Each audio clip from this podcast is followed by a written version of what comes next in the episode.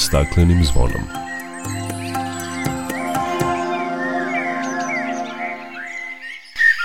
Dobar dan, dobrodošli na Zeleni talas prvog programa radija Radio Televizija Vojvodine. Ja sam Dragana Ratković. U svetu danas 9 od 10 ljudi diše zagađen vazduh, a jedna od pet preranih smrti na Zapadnom Balkanu je posledica tog zagađenja. Istaknuto je prilikom obeležavanja Svetskog dana čistog vazduha za vedro nebo, koji je obeležen 7. septembra. Jedan od uzroka zagađenja vazduha je i korišćenje fosilnih goriva za dobijanje energije. Zbog energetske krize pojedine zemlje vratit će se korišćenju uglja. Čućete kako će se to odraziti na stanje životne sredine, da li će povećati emisiju ugljen dioksida u atmosferi i zagađenje vazduha.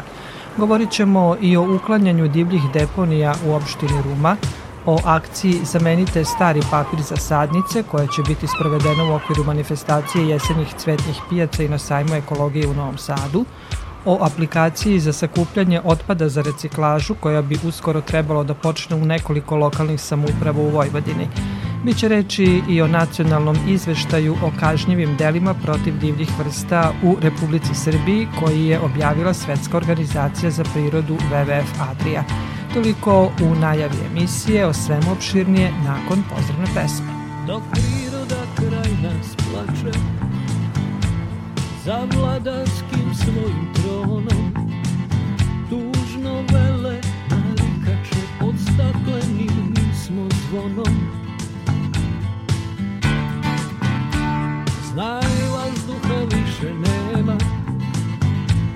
Sve manje je i ozona Protiv sebe ide čovek I to često Bez pardona. Uništenju živog sveta Kao da su ljudi skloni. Čovek sam je sebi meta Zbog njega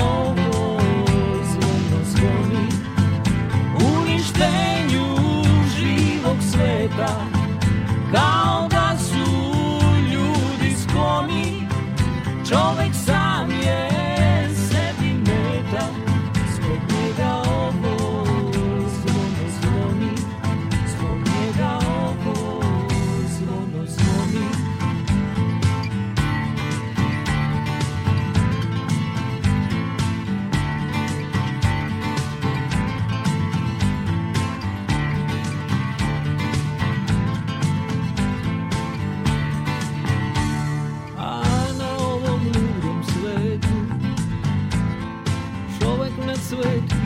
onom Šta nudimo to detetu? Od stakleni kad smo zvonom. Uništenju živog sveta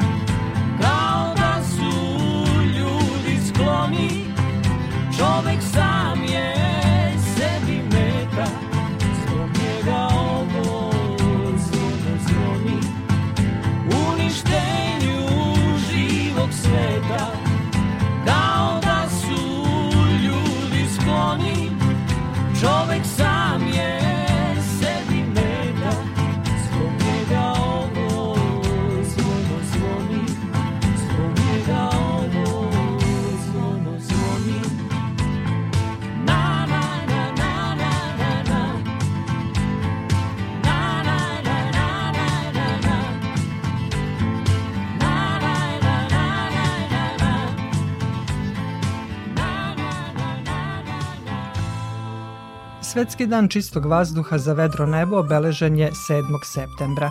Generalna skupština Ujedinjenih nacija je 2019. godine proglasila 7. septembar za Svetski dan čistog vazduha za vedro nebo zbog sve većeg interesovanja međunarodne zajednice za čist vazduh, kao i da bi ukazala na potrebu da se više radi na poboljšanju kvaliteta vazduha kako bi se zaštitilo zdravlje ljudi. U svetu danas 9 od 10 ljudi diše zagađen vazduh. Posledice zagađenja vazduha uzrok su oko 7 miliona preranih smrti godišnje. U izveštaju UNEPA utvrđeno je da je jedna od pet preranih smrti na Zapadnom Balkanu posledica zagađenja. Zagađenje vazduha ne zna za državne granice i nije izolovan problem. Ono je direktno povezano sa klimatskim promenama, gubitkom biodiversiteta i drugim oblicima zagađenja. Neki zagađivači vazduha takođe utiču na klimatske promene koje dalje podstiču zagađenje vazduha.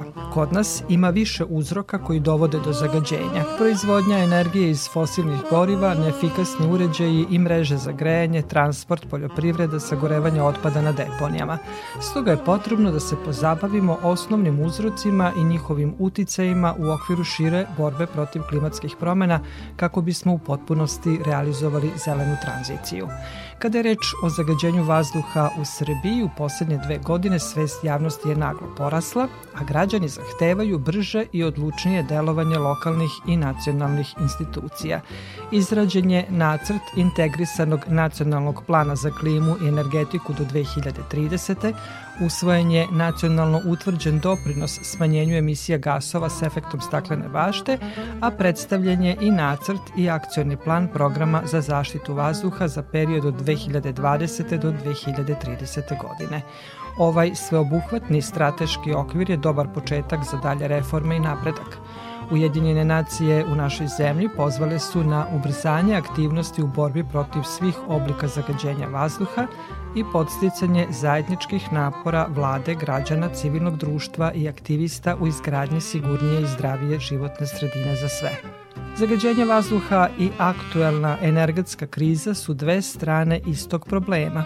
Dan čistog vazduha je podsjetnik da nam je neophodna zajednička akcija jer zagađenje nema granica, ali to je i prilika da govorimo o tome kako će trenutna situacija uticati na kvalitet vazduha. Naime, zbog energetske krize nastale nakon izbijanja rata u Ukrajini došlo je do nestašice gasa i nafte i pojedine zemlje vratit će se korišćenju uglja.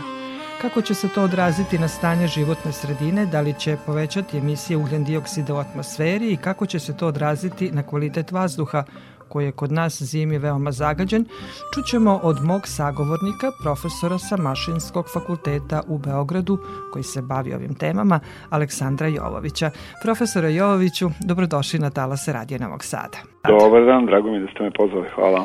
Situacija u vezi sa energentima uoči predstojeće zime je u žiži interesovanja javnosti ne samo kod nas nego i svetu jer zbog rata u Ukrajini i zavisnosti od ruskog gasa i nafte mnoge zemlje na velika vrata vraćaju korišćenje uglja ali i nuklearnu energiju s jedne strane, a s druge strane govori se o nastojenjima da se više koristi energije iz obnovljivih izbora kako bi se smanjila energetska zavisnost. Evropska unija je prošle godine usvojila i zakon o klimi po kojem Evropa do 2050. treba da postane klimatski neutralna i da do kraja e, decenije za 55% smanji emisije gasova s efektom staklene bašte. Prvo da nam kažete kakva je situacija trenutno i mogu li se ostvariti ti ciljevi koji su zacrtani zelenim dogovorom ako se ova kriza nastavi? Jako je sada komplikovano, naravno, o svemu govoriti sa nekom velikom pouzdanošću. Ono što se vidi, to je činjenica da je, da je rat u Ukrajini dramatično promenio situaciju u stanju energenata, iako je ona bila značajno promenjena i pre samog izbijenja rata ovaj, u Ukrajini. Sećate se da je bila velika kriza krajem prošle godine i početkom ove generalna. A naravno, nedostatak gasa dodatno je sve, sve poremetio. Činjenica je da se Europa smanjuje svoje emisije još od 90. I negde da otprilike 2019. znači pred izbijenje COVID-a, manjenje je bilo nekih 24% emisija gasova sa efektom staklene bašte u odnosu na 90. Kada govorimo o drugim emisijama zagađujućih komponenta, ne samo gasova efekta staklene bašte, tu su smanjenja pogotovo na teritoriji Evropske unije dramatična. Znači još tamo posle 96. i dovođenja onih integrisanih dozvola ovaj zakona o tome u, u Žižu ovaj smanjene su emisije za po 90 procenata sumpora, azota, čestica i tako dalje, zaista ogromno smanjenje i ovaj Evropa u tome dramatično prednjači. Naravno prednjači i u smanjenju emisije sa efektom staklene bašte. Ono što analize pokazuju da sada negde 21. druge godine smanjenje je dostiglo neki 30 procenata u odnosu na 90. Bio je najveliki pad na početku COVID, ali se posle toga čak negde smo imali i povećanja. U svakom slučaju pad postoji, tendencija postoji, smanjenje je naravno intenzivno u oblastima energetike, industrije i otpada, pri čemu transport ne opada, mislim što ima negde i smisla i rezona gledati, ali ono što raste za sve vreme ovoga emisije iz poljoprivrede i to je ono što je ovde često bilo izloženo šali sa svim onim varenjem krava i slično, ali zaista emisije iz poljoprivrede, znači i iz dela ovaj, upravljanja zemljištem i upravljanja stočarstvom, znači stokom, velike emisije imaju. Dugi niz godina Evropska unija pokušava da reši probleme, odnosno da dovede do smanjenja emisija što većeg, sad se izabrala karbonska neutralnost 50. godine, a 55% 30. smanjenje odnosu na 90. Tako da mislim da je ovo posao koji je prilično se zahuktao. Mi imamo sad onako pravu jednu tehnološku revoluciju koja traje sad neko vreme. Ona je očigledno negde bila usmerena i na raskidanje veza sa ruskim gasom, pa se sad malo sve ubrzalo, ali kad pogledate vidite da se ovaj razvoj tih obnovljivih dramatično povećava, ne samo u Uniji, nego i u drugim zemljama u svetu. Globalno gledano emisije u svetu se smanjuju, ali imali smo, kad je nastupila pandemija, te godine smanjene su emisije, a već prošle godine i ove godine emisije ponovo rastu, dakle trend rasta e, se nastavlja. Da li ova situacija kada neke zemlje koje najavljuju da će ponovo koristiti ugalj kao energent može da to na neki način pogorša? Uvek imamo onaj problem da najveći izvori emisije gasova sa efektom staklene bašte nisu Evropa. Najveći rezultati jesu postignuti u Evropi, ali najveći emiteri su definitivno i dalje ovo Kina, Indija, znači zemlje, te ogromne, mnogo ljude zemlje sa ogromnom potrošnjom fosilnih, fosilnih goriva. Međutim, i one su najavile... U Evropi smo imali recimo jednu Poljsku koja je tako koristila je, koja, koja velike količine da. sa Evropskom komisijom i tako dalje, nije samo Poljska, znači Nemačka je jedna od onih kontra primjera, znači ili prvo pozitivnih primjera. Nemačka je počela ozbiljno zatvara svoje termoelektrane i svoje nuklearne elektrane i našla se zbog toga možda malo čak i u problemu u nekim trenucima, ali generalno taj stav zadržava čini mi se i dalje.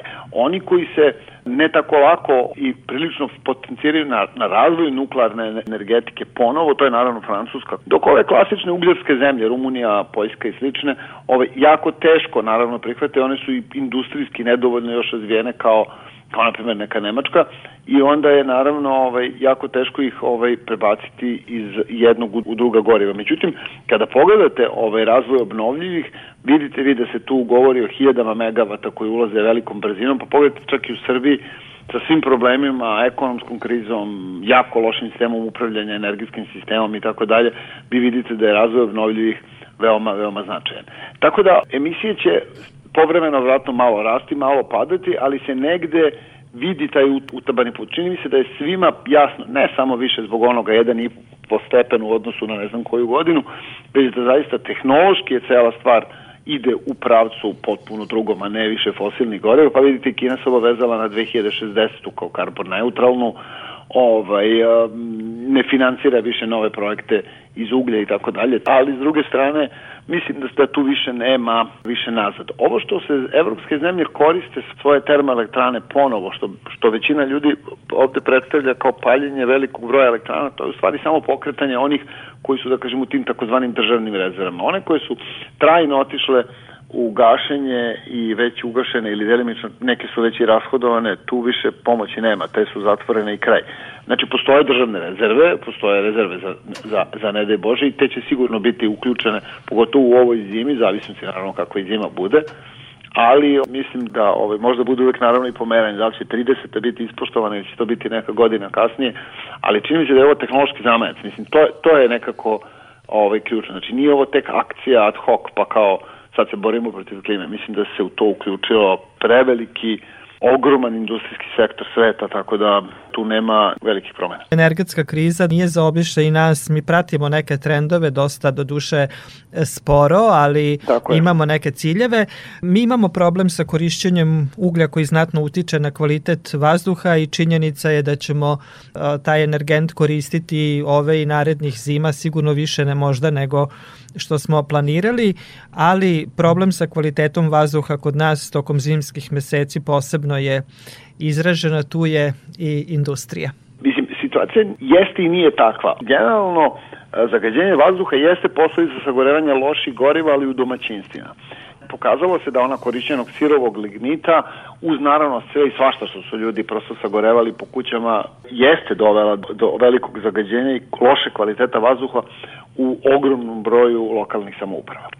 Situacija može da se popravi zato što je sada sirovi lignit isključen koliko znam iz um, upotrebe za domaćinstvo zahvaljujući upravo energetskoj krizi, odnosno sav, sada, sav lignit upućuje se na sagorevanje tamo gde mu je bilo mesto, znači u termoenergetski sektor, znači u termoelektrane, gde je i predviđeno sagorevanje takvog uglja i gde ove emisije e, ne računajući mislim, sumpor koji je i dalje ovaj, visok zbog toga što nemam uređaj za sumporavanje osim u kostolcu, ali čestice i sve ostalo značajno je bolja situacija nego u malim ložištima.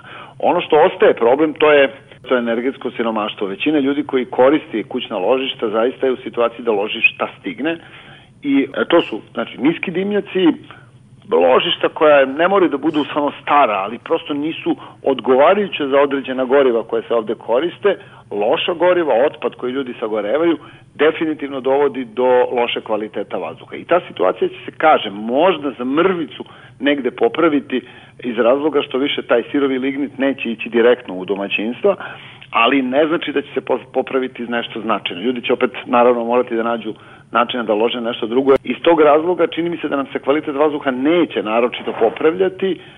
Vidjet ćemo koliko će on biti vidljiv, to će zavisiti od klimatskih meteorološke slike svakodnevne u gradovima.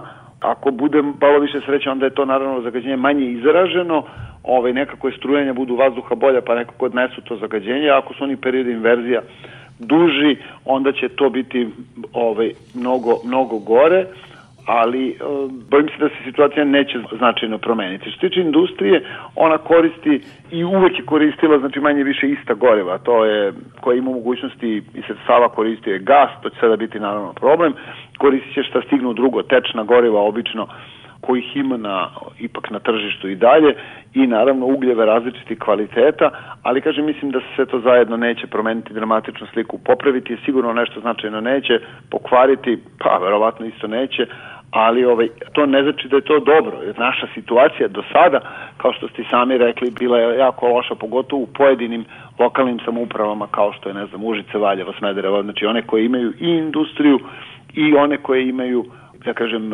prostornom klimatsku sliku takvu, a veliki broj ložišta u domaćinstvima. Mnogi bi rekli samo da ne bude gore. Sve prema onom kako za sada pokazuje, gas će biti opet preskočen brže nego što smo mislili najviše iz razloga sada već političkih, tako da čini mi se da se sve ipak kreće u pravcu obnovljivih, hidropotencijali u onoj meri koje imate, vetar koji je bio jedno vreme hit, nekako će vremenom polako, čini mi se, polako pada u svojoj budućnosti i čini mi se da je rast solara ogroman, što materijali budu više razvijeni, znači novi solarni paneli sa većom efikasnošću, to će naravno biti sve povoljnije. Čini mi se da je to neki pravac kome se ide iz više razloga, što ne znači, kažem, da u nekom periodu od narednih 10-15 godina i ove druge tehnologije neće postojati. Gospodine Jovoviću, vidim da ste optimista, to nam je drago. Mnogi su smatrali da će ova energetska kriza upravo zbog korišćenja uglja zbog nestašice gasa i nafte u mnogome uticati na stanje životne sredine. Vi ste optimista i nadamo se da će tako i biti. Nadamo se da nećemo povećati emisije, odnosno da nećemo imati veće zagađenje, barem tokom zimskih meseci nego što ga imamo inače. Ja se iskreno nadam. Ja nisam optimista, tek nekako čini mi se tako. Mislim da u ovom poslu koji se odnosi na energetiku u zadnjem dugom nizu godina, znači svim strategijama ovde bar ovim evropskim, leži ogromna industrija. Vi vidite u stvari da se u tom lancu nalaze najmoćnije evropske i svetske kompanije iz raznih sektora. Vidite da se drugi sektori takođe značajno preorijentišu. Znači, pojam adaptacije je postao veoma, veoma značajan i u evropskim dokumentima i uopšte u svetskim. Znači, prilagođavanje na klimatske promene ne bili ovaj, posledice bile što manje, a izvuklo se što veća korist. Radi se na ogromnim onim analizama uticaja klime na infrastrukture i to sada više znači u izgradnji puteva, u projektovanju elektrana, energetskih, drugih industrijskih objekata više ne gledate samo meteorologiju unazad, gledate pravite proračune kako će klima uticati na te vaše objekte u nekom narednom periodu. Čini mi se da se svet baš, baš ozbiljno tehnološki zahukta. Ono što mene jedino brine i gde nisam baš neki optimista, to smo mi sami. Nekako mi se čini, promašili smo zahvaljujući politici 90 od 2000, to onaj ogroman tehnološki napredak Evrope i sveta, to smo promašili u vreme naših sankcija ratova i svega ostaloga. Sledeći takav promašaj, bojim se da bi nas trajno zakucao na dno civilizacije. Kažem, prosto tehnološka revolucija ne prašta, mislim, tera dalje moramo da pratimo e, trendove koji Absolut. se dešavaju, bez obzira ako smo malo sporiji, ali ipak moramo da pratimo sve što se dešava Absolut. i da se nekako uključujemo. Profesor Jovoviću, hvala vam lepo za razgovor i učešću Hvala, hvala vama na pozivu.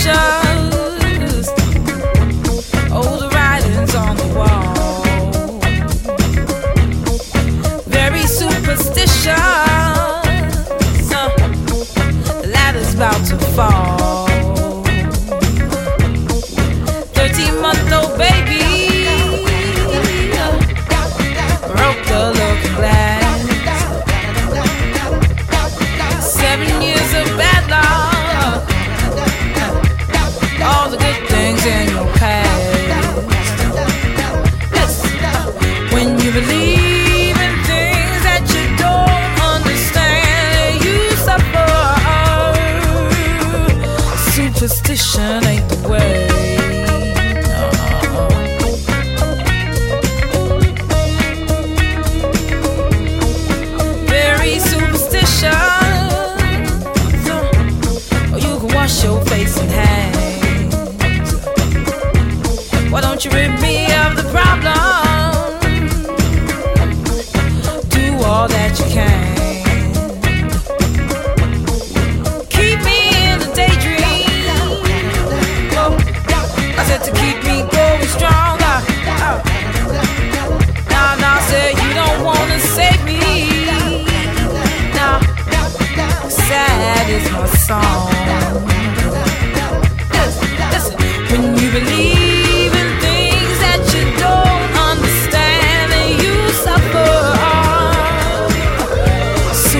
position ain't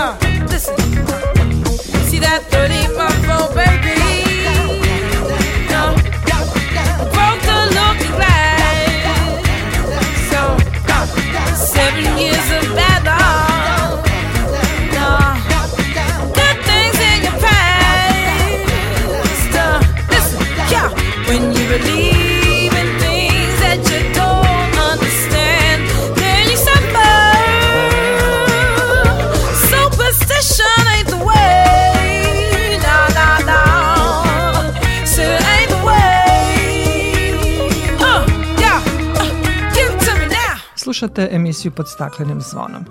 Kada već govorimo o ponovnom vraćanju uglja kao energentu, u Privrednoj komori Srbije nedavno je potpisan memorandum o saradnji u domenu zaštite životne sredine na projektu izgradnje rudnika uglja u Kovinu, koji prema procenama raspolaže sa 276 miliona tona rezervi uglja. Reč je o projektu Novi Kovin koji obuhvata izgradnju novog rudnika uglja i termoelektrane Kovin snage oko 600 MW koja bi trebalo da bude izgrađena, kažu, prema evropskim standardima na principima javnog i privatnog partnerstva. Elektroprivreda Srbije je još pre 15 godina otvorila eksperimentalni rudnik za podvodnu eksploataciju uglja, a kompanija Energy Consulting and Engineering dobila je pre dve godine pravo istraživanja u obalnom delu Dunava. Kada je reč o eksploataciji uglja u rudniku Kovin, mnogi su se zapitali kako će to uticati na životnu sredinu s obzirom na to da je u blizini specijalni rezervat priroda Deliblatska peščara, koja se nalazi na obodu nalazišta uglja, a sa druge strane je Dunav, a u blizini su i brojna izvorišta pijaće vode. Čujemo šta je o samom projektu Novi Kovin pomoćnik pokrajinskog sekretara za energetiku Saša Igić rekao kolegi Đuri Vukaliću. Tim projektom praktično bi se postiglo da se eksploatiše 3 miliona tona uglja godišnje, što je već veoma, veoma značajna količina i sem tih 3 miliona uglja i još 16 miliona metara kubnih šljunka, što peska, što su izuzetno značajne količine tog materijala. Tako da to bi bilo baš održiva proizvodnja, znači vek tog rudnika bio u tom slučaju negde 42 godine, što je e, po svim tim merima bi trebalo da bude veoma isplativa investicija. Znači sad je to u fazi projektovanja, e, izvođenja studija, izvodljivosti, uticaja na životnu sredinu tako ja se iskreno nadam da u, u sledećem periodu, vrlo bliskom, bi moglo da se pokrenu i prve aktivnosti oko ovog rudnika i tim predviđeno praktično da radi pet bagera, pet plovnih objekata umesto ovog e, jednog, što bi dovelo naravno do mnogo veće produkcije. Inače, ugalj se u ovom trenutku kopa na nekih 30 metara dubine, tim bagerom iz 92. godine i vrlo je ograničena proizvodnja, prošlo je od tada već 30 godina i tehnologija je napredovala, znači potrebno je i veći broj bagera i možda bolja tehnologija da se osvoji kako bi se produkcija u značajnoj meri poveća. Koliko je ta podvodna eksploatacija zapravo ekološki prihvatljiva? Pri realizaciji ovakvih projekata neophodna je saglasnost i sekretarijata za ekologiju. U svakom slučaju energetika i ekologija ne stoje baš suviše bliz jedno pored druge, ali je, znači, jako je bitno ako se nešto već radi, kao na primjer ova podvodna eksploatacija, da bude u potpunosti u skladu sa svim ekološkim zakonima, principima i tako dalje. Znači, da stepen potencijalnog zagađenja bude minimalan. Ponačno što je u okolini kovina, ima izvorišta vode nekih i, i tako dalje. Znači, sve aktivnosti koje se budu sprovodile moraju biti strogo po pravilama, strogo zakonske i u tom slučaju bi onda stepen zagađenja bio minimalan ovaj, moguće, a u suštini nama energija treba i neophodna nam je i vidimo i sada kakav je problem i ono što je vrlo značajno i ovaj problem se neće rešiti za mesec, dva nego će trajati, vjerojatno nekoliko godina će nam trebati da izađemo iz ove energetske krize, gasne krize i nešto i duže, ali i ovakvi projekti poput Kovina su vrlo neophodni u prevazilaženju te krize.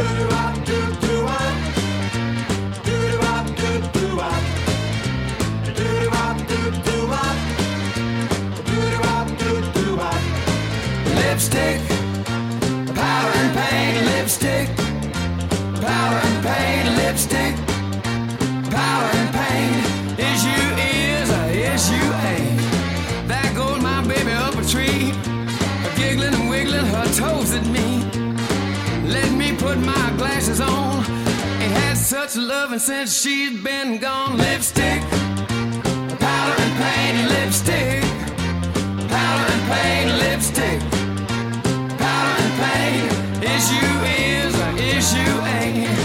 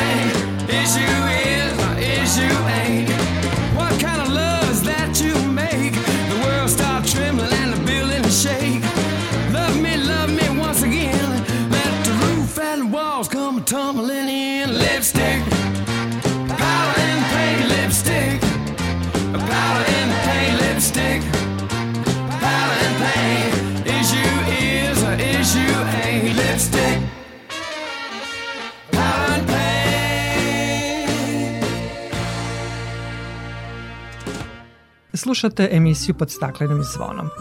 U Kraljevcima, selu nadomak Rume, počelo je čišćenje divlje deponije. Radove su obišli predsednica opštine Ruma Aleksandra Ćirić sa svojim saradnicima i državni sekretar u Ministarstvu za zaštitu životne sredine Aleksandar Dujanović. Za čišćenje divlje deponije u Kraljevcima i u Dobrincima, koja će tek uslediti, Resorno ministarstvo i opština Ruma izdvojili su po 5 miliona dinara. O tome Milena Božić. Posledice neadekvatnog odlaganja smeća su ogromne i mogu biti pogubne po zdravlje ljudi. Uticati na svest pojedinaca o tome gde se smeće treba odlagati nije lako. Mada među kraljevčanima ima onih koji su i tekako svesni posledica divljih deponija. Znači, treba više ljudi da sami povedu računa u našoj okolini i u našoj zdravlju, što kaže, i vazduhu. To verovatno nisu, jel da su svesni ne bi to bacali i ne bi to radili. Jako je važno, ja sam baš krenuo da bacim smeće. I gde ćete baciti? Pa u kontejner. Prilikom obilaska radova na čišćenju deponije u Kraljevcima, predsednica opštine Ruma je istakla da je pomoć Ministarstva za zaštitu životne sredine dragocena. Pored finansijske podrške, korisni su saveti i informacije koje je državni sekretar Aleksandar Dujanović uputio predstavnicima lokalne samouprave, koji se trude da što više ulažu u zaštitu životne sredine. Zahvaljujući sredstvima Ministarstva zaštite životne sredine, mi smo dobili značajna sredstva iznosu od 5 miliona dinara za uklanjanje, zapravo za saniranje i uklanjanje divljih deponija na teritoriji naše opštine. Dobili smo sredstva za saniranje deponija ovde u Kraljevcima i u susednom selu Dobrinci. Mi kao opština smo učestvovali sa još dodatnih 5 miliona dinara. Ovo su dragocena sredstva i pomoć zapravo koju već e, od početka godine dobijemo od Ministarstva zaštite životne sredine, jer zaista se trudimo da uredimo našu životnu sredinu, da živimo u jednoj čistijoj i lepšoj sredini. Ministarstvo za zaštitu životne sredine ove godine izdvojilo je 80 miliona dinara za podršku lokalnim samoupravama u rešavanju problema divljih deponija, dok je 20 miliona opredeljeno za postavljanje video nadzora na očišćenim lokacijama. U poslednje dve godine širom Srbije uklonjeno je oko 700 divljih deponija. Uklonjeno je oko 700 divljih deponija, dva konkursa, dosta opština i gradova. Što se tiče i divljih deponija i nastanka, treba da se radi na svesti svakog građanina. Drago mi je što vidimo ovde u Rumi da se stvarno radi i ide se ka tome da se spreči taj neki ekološki problem. A ekološki problem jesu ove divlje deponije da ih u Srbiji ima preko 3.500 gde smo mi sad uspeli tih 700 deponija zajedno u saradnji sa jedinicama lokalne samuprave i moram da pohvalim i opštinu Rumu koja radi i sama, bez pomoći ministarstva da uklanja sa lokacija gde su nastale divlje deponije uklanja otpad. Čišćenje divlje deponije u Kraljevcima trajaće narednih mesec dana. Prostor će biti oplemenjen drvećem, a bit će postavljen i video nadzor.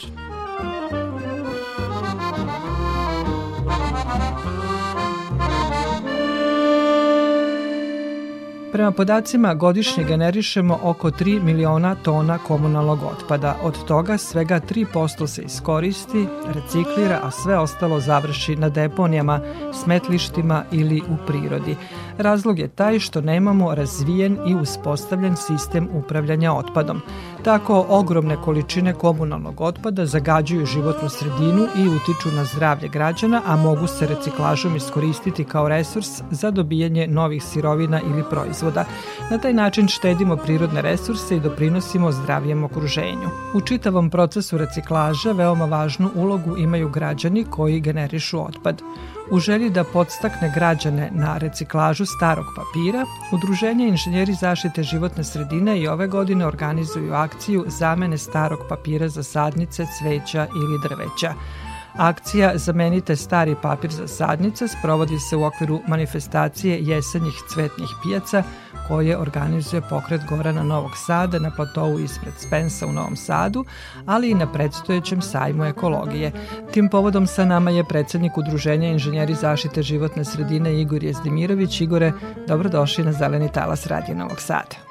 Bolje vas našli. Igore, ovu lepu akciju zamena starog papira za sadnice udruženje organizuje već više od 10 godina veoma uspešno. Jeste, imali smo jednu malu pauzu zbog ove nesretne korone, a sad nastavljamo punom parom. S obzirom da se održavaju cvetne pijace, tokom njih ćemo se vratiti onome što je planirano, to je zamena starog papira za sadnice. Tako da će svi sugrađani koji budu želeli i naravno doneli stari papir u težini 10 kila dobiti sadnicu cveća, od 60 kila sadnicu drveća. Ove mere su uzete upravo zato jer reciklažom papira, jedne tone starog papira, mi sačuvamo 17 stabala. Tako da je u suštini taj simboličan iznos od 60 kg predstavlja jedno stablo koje će biti sačuvano kada se tih 60 kg bude recikliralo, a s druge strane i ta sadnica koja bude dobijena biće još jedno stablo koje će biti dodato na, nadam se, zelene površine. S druge strane, ono što će moći jeste da su to zelene pijace koje će državati petkom i subotom u periodu svetne pijace vršit ćemo zamenu starog papira za sadnice od 8 do 19.30 petkom i od 8 do 13 časova subota. Tako da je to u suštini ono što je u sklopu ove akcije planirano. Akcija se nastavlja i tokom sajma ekologije od 28. septembra do 2. oktobra na Novosadskom sajmu. Jeste, u saradnji sa Novosadskim sajmom uspeli smo da pretvorimo sajam ekologije u Novom Sadu u jednom praktično reciklažno ostravo da će sugrađani umesto karte moći da donesu svoj otpad i za taj otpad da dobiju ulaz na sajam i eventualno još neke poklone od strane izlagača. Ono što je tu bitno jeste da je kroz ovu akciju želimo da pokažemo da taj otpad ima vrednost sa jedne strane i sa druge strane da apelujemo još jednom na gradske oce se što pre reši pitanje upravljanja otpadom u Novom Sadu, pre svega u smislu mogućnosti za selektivno prikupljanje otpada, tako da očekujemo da će tokom Novosadskog sajma oni koji donesu različite vrste otpada dobijati ulaznice za sam sajam. Da, što je vrlo podsticajno jer mnogi građani žele da razdvajaju otpad, ali za to nemaju mogućnosti. Naravno, na štandu Udruženja inženjera zaštite životne sredine svi zainteresovani mogu i da dobiju više informacija o samom procesu reciklaže i načinima kako da smanje svoj negativan uticaj na životnu sredinu. Apsolutno, dva su osnovna preduslova, ja mislim da u Novom Sadu bar prvi ispunjeno, to je da građani žele, a onaj drugi koji nam fali jeste potrebna infrastruktura da bi se ta želja mogla i ostvariti. Tako da se ja nadam da ćemo uskoro u Novom Sadu imati reciklažna dvorišta i ostrava po principu koji ćete moći da vidite na Novosadskom sajmu, da se vidi da to nije ništa spektakularno komplikovan sistem, ali da je sistem koji omogućava da taj otpad koji danas mi svi mešano bacamo i predstavlja opterećenje za životnu sredinu može da uđe u ciklus cirkularne ekonomije dobije novu vrednost. S druge strane, to naravno će smanjiti i količinu otpada koja se odlaže na nesanitarnu deponiju koja, nažalost, vrlo često može biti predmet i požara. Igore, hvala lepo za razgovor i hvala za ovu divnu akciju. Nadam se da će se građani Novog Sada i svi ostali koji budu dolazili na ove manifestacije odazvati ovoj akciji i da će biti uspešna kao i prethodnih godina. Hvala i vama najlepše.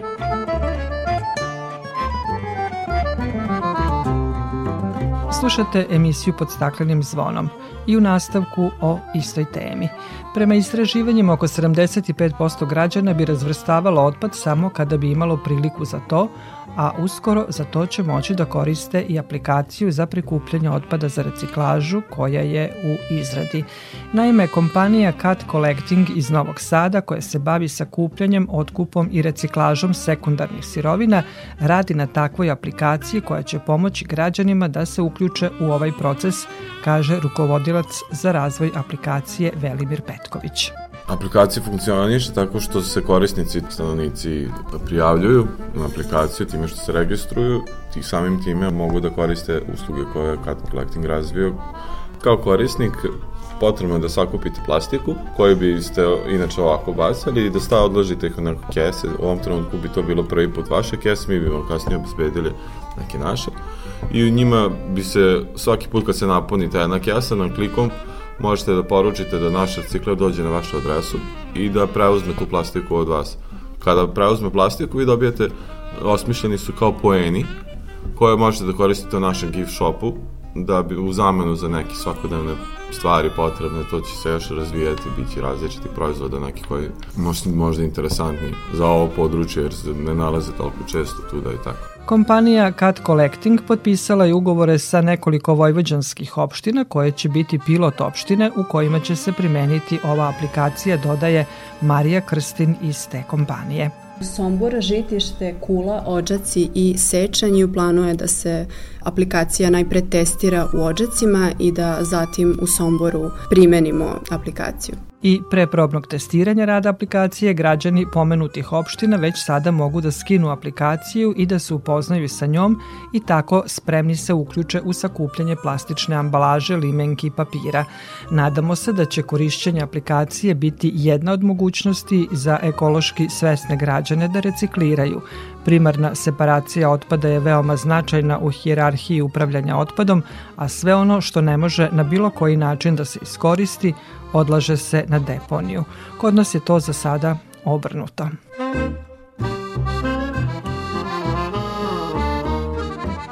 Slušate emisiju pod staklenim zvonom.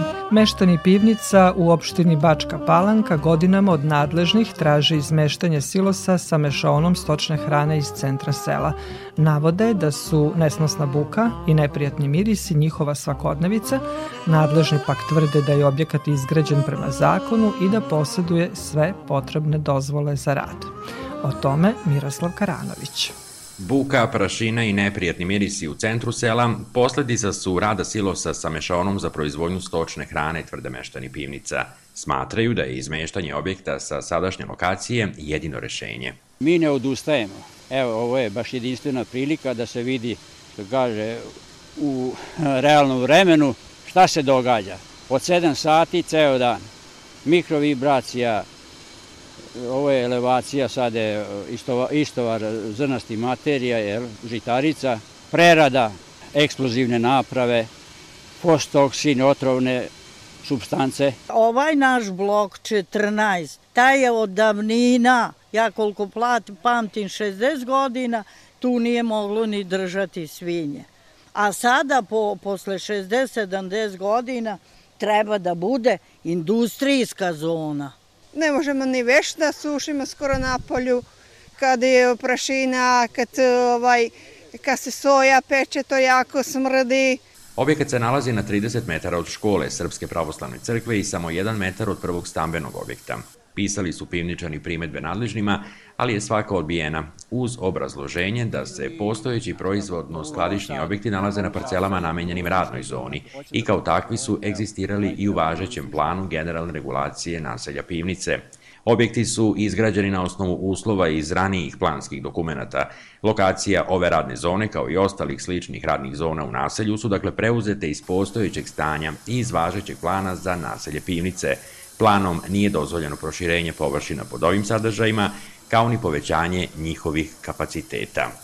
Nezadovoljni odgovorom, građani su se obratili redakciji RTV-a. Kontaktirali smo predsjednika opštine i predsjednika Skupštine opštine i odgovor dobili elektronskim putem. Citiram. Svi napomenuti objekti su sagrađeni na osnovu odgovarajućih dozvola koje su izdate u zakonitoj proceduri. Građevinske dozvole su izdate na osnovu odredbi zakona o planiranju i izgradnji i u skladu sa važećim planskim dokumentom generalne regulacije naseljenog mesta Pivnice. Na 112. sednici opštinskog veća, održanoj 18. avgusta ove godine, utvrđen je predlog odluke o donošenju plana generalne regulacije naselja Pivnice i upućen u skupštinsku proceduru. Kraj citata.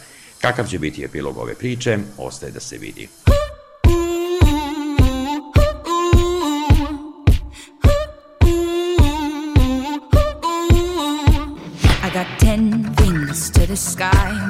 To the wall, my white flag high, hair lips just like a gun. She's got silver bullets on her tongue. He's deep under her spell. I'm screaming out, but it just won't help. I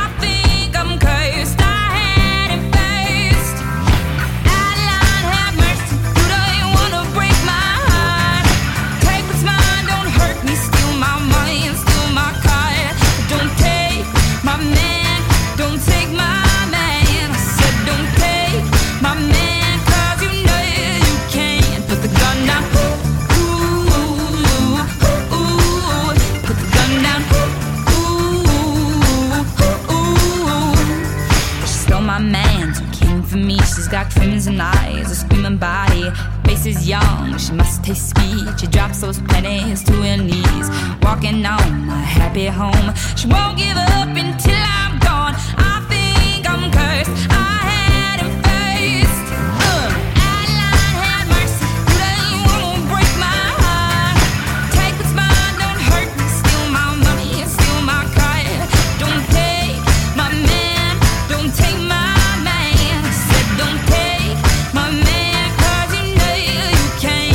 gun down. Ooh, ooh, ooh, ooh. Put the gun down.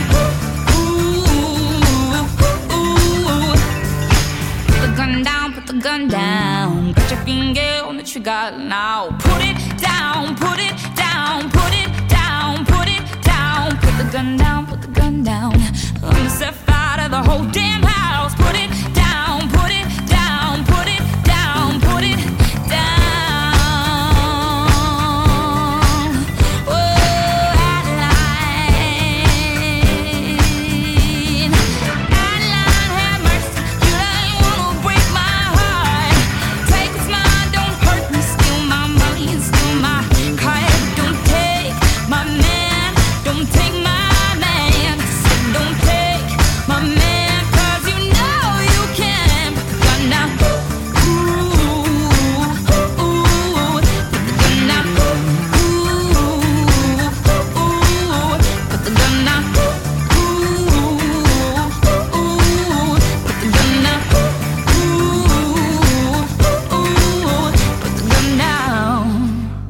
Slušate emisiju pod staklenim zvonom. Svetska organizacija za zaštitu prirode WWF objavila je nacionalni izveštaj o kažnjivim delima protiv divljih vrsta u Republici Srbiji. Šta sadrži izveštaj, šta pokazuju analize, o tome će nam više reći Iva Svilar iz WWF Adria kancelarije u Beogradu. Iva, dobrodošli na Talasa Radija Novog Sada. Dobar dan i hvala na pozivu. Iva, nije čest slučaj da čujemo da neko hvata, prodaje ili drži u zatočeništvu neke od divljih vrsta koje su često i zaštićene ili je pak reč o krivolovu, ali malo je informacija o tome koliko je takvih dela i koliko je onih koji se time bave i kažnjeno, odnosno procesuirano. Svetska organizacija za zaštitu prirode WWF objavila je nacionalni izveštaj o kažnjivim delima protiv divljih vrsta u našoj zemlji za period od 2016. do 2020. godine. Šta sadrži ovaj izveštaj? Upravo tako, sva ova dela koje ste vi prethodno naveli se nalaze, odnosno su analizirane u našem izveštaju. Ovaj nacionalni izveštaj u stvari sadrži kratak prikaz eh, zakonodavnog institucionalnog okvira zaštite divljih vrsta u Srbiji, zatim statističku analizu prikupljenih podataka o kažnjivim delima koje smo uspeli da skupimo tokom trajanja ovog projekta i prethodno, i kao rezultat svega toga postoji skup preporuka i mera kako bi se unapredio sistem zaštite divljih vrsta u Republici Srbiji. Pored ovoga, na temeljima ovog izveštaja i izveštaja partnerskih e, zemalja koje učestvuju na na SWIPE projektu okviru kog je rađen izveštaj će biti urađen i jedan evropski izveštaj koji će sadržati takođe kratak prikaz zakonodavnog okvira svih zemalja, zatim trenutno stanje u ovoj oblasti i preporuke za dalje rad. Ove preporuke će se pre svega odnositi na uspostavljanje bolje prekogranične saradnje u Evropi u cilju suzbijanja ovih dela u budućnosti. Šta pokazuju analize o kažnjivim delima protiv divljih vrsta i koje su vrste najčešće predmet kažnjivih dela? U izveštaju je analizirano ukupno 165 slučajeva, od čega su je 110 bilo prekršaja, a 65 krivičnih dela. Najzastupljenije vrste koje su bile predmet e, ove kažnjivih dela su ptice pevačice iz porodice zeba, pre svega češljugar, i one su najčešće nezakonito hvatene u prirodi i držane u zatočeništvu.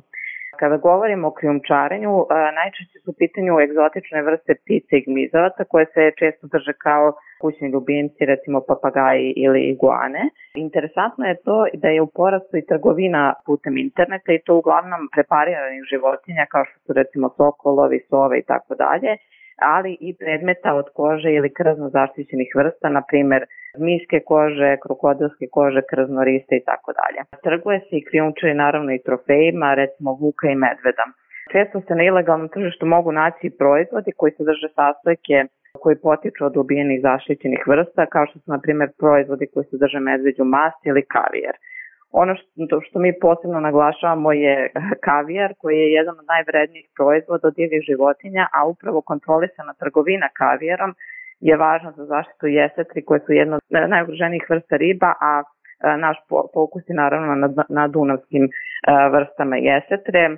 Pored proizvodnje kavijera i mesa jesetri se smatra delikatesom što dodatno ugrožava ovu vrstu. Pomenuli ste na početku i zakonodavnu oblast. Kako je ova oblast regulisana zakonom kod nas? Kakva je njena primjena s obzirom na to da znamo da u praksi obično imamo dobre zakone, ali ih baš i ne primenjujemo? Tako je, slična je situacija. Zakonodavni okvir Srbije zaštitu divljih vrsta je relativno dobar. Naravno, postoji uvek prostor za unapređenje. Zaštita divljih vrsta je regulisana kako nacionalnim zakonodavstvom, tako i različitim međunarodnim sporazumima u ovim oblastima. Naravno, jedna od najvažnijih je CITES konvencija o međunarodnom prometu ugroženih vrsta divlje flore i faune, ali tu su naravno i Benska i Bonska konvencija. Ono što nas zabrinjava je u stvari nedovoljna primjena ovih propisa u praksi, što se pre svega odnosi na nedovoljne kapacitete nadležnih organa za otkrivanje, istragu i procesuiranje ovih dela, zatim nedostatak specializacije zaposlenih i lošu tehničku opremljenost. Kako bi se situacija popravila u budućnosti, potrebno je obezbediti stručno usavršavanje i kontinuirane obuke nadležnih organa, tu spadaju carina, policija, inspekcija, tužioci sudije, a i takođe da se uspostavi čvrsta saradnja između svih nadležnih organa, ali takođe da se unapredi informacioni sistem. U cilju jačanja kapaciteta i saradnje je neophodno unaprediti učešće organizacije civilnog društva i nezavisnih stručnjaka u procesima pripreme, donošenja i praćenja i primene propisa u ovoj oblasti, ali na kraju potrebno je naravno i podići svest šire javnosti o značaju i posledicama ovih kažnjivih dela na prirodu i društvo u celini. Da li su to ujedno i preporuke koje su date u ovom izveštaju? Jeste. Mi smo te preporuke podelili na preporuke koje su vezane za strateški zakonodavni okvir, za institucionalni okvir i edukaciju i razmenu informacija. Na što mi stavljamo akcenat, to je unapređenje saradnje između relevantnih tela i uspostavljanje radne grupe za borbu protiv nezakonitog ubijanja, trovanja i trgovine divljim vrstama i nadamo se, odnosno smatramo da će upravo ta unapređena saradnja kako na nacionalnom nivou, tako i na regionalnom i evropskom nivou pomoći da suzbijemo ove, ove zločine u budućnosti i da zaštitimo naše divlje vrste i prirodu. Iva, hvala vam lepo za razgovor i učešću u programu Radija Novog Sada. Hvala vama, prijetno.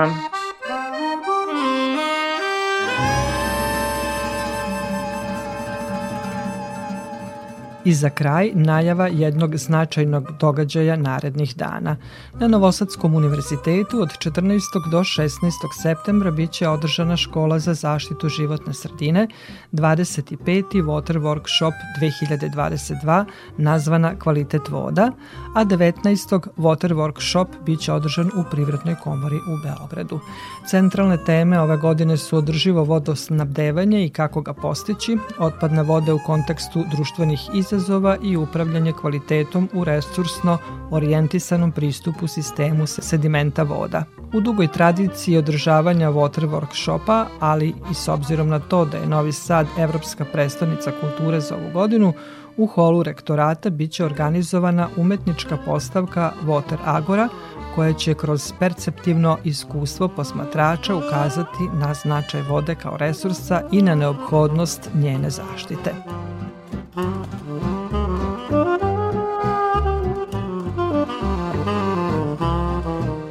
Toliko za ovo izdanje emisije pod staklenim zvonom koju možete slušati i odloženo na podcastu Radio Televizije Vojvodine na adresi rtv.rs. Na pažnji vam zahvaljuju Violeta Marković, Zoran Gajinov i Dragana Ratković. Sledeći susret zakazujemo za sedam dana u isto vreme na zelenom talasu prvog programa radija Radio Televizije Vojvodine. Time marches on, time stands still. Time on my hands, time to kill. Blood on my hands, and my hands in the till.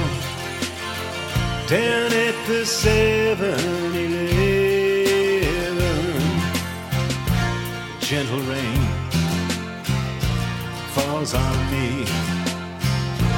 All life folds back into the sea.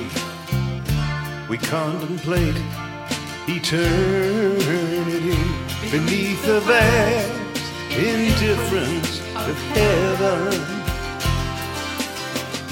The past seems realer than present to me now. I've got memories to last me. When the sky is gray, it is today. I remember the times when I was happy.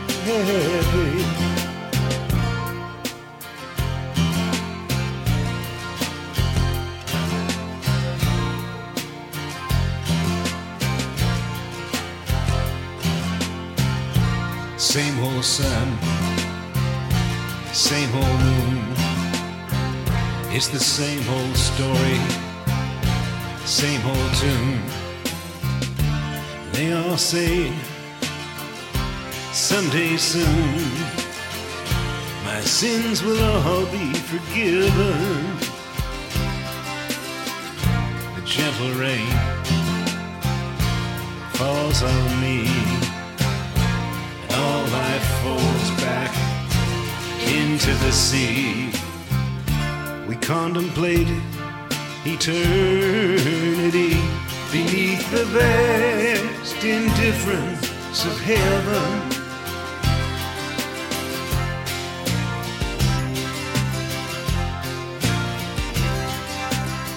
They say everything's alright. They say better days are near. They tell us these are the good times, but they don't live around here. Billy and Christy don't, and Bruce and Patty don't. They don't live around here.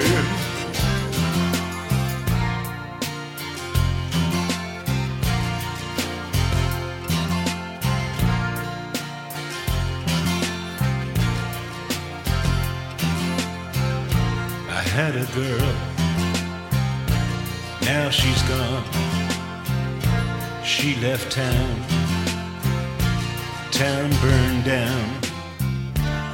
Nothing left but the sound of the front door closing forever. The gentle rain falls on me, all life falls back into the sea. We contemplate eternity beneath the vast indifference of heaven. The vast indifference of heaven.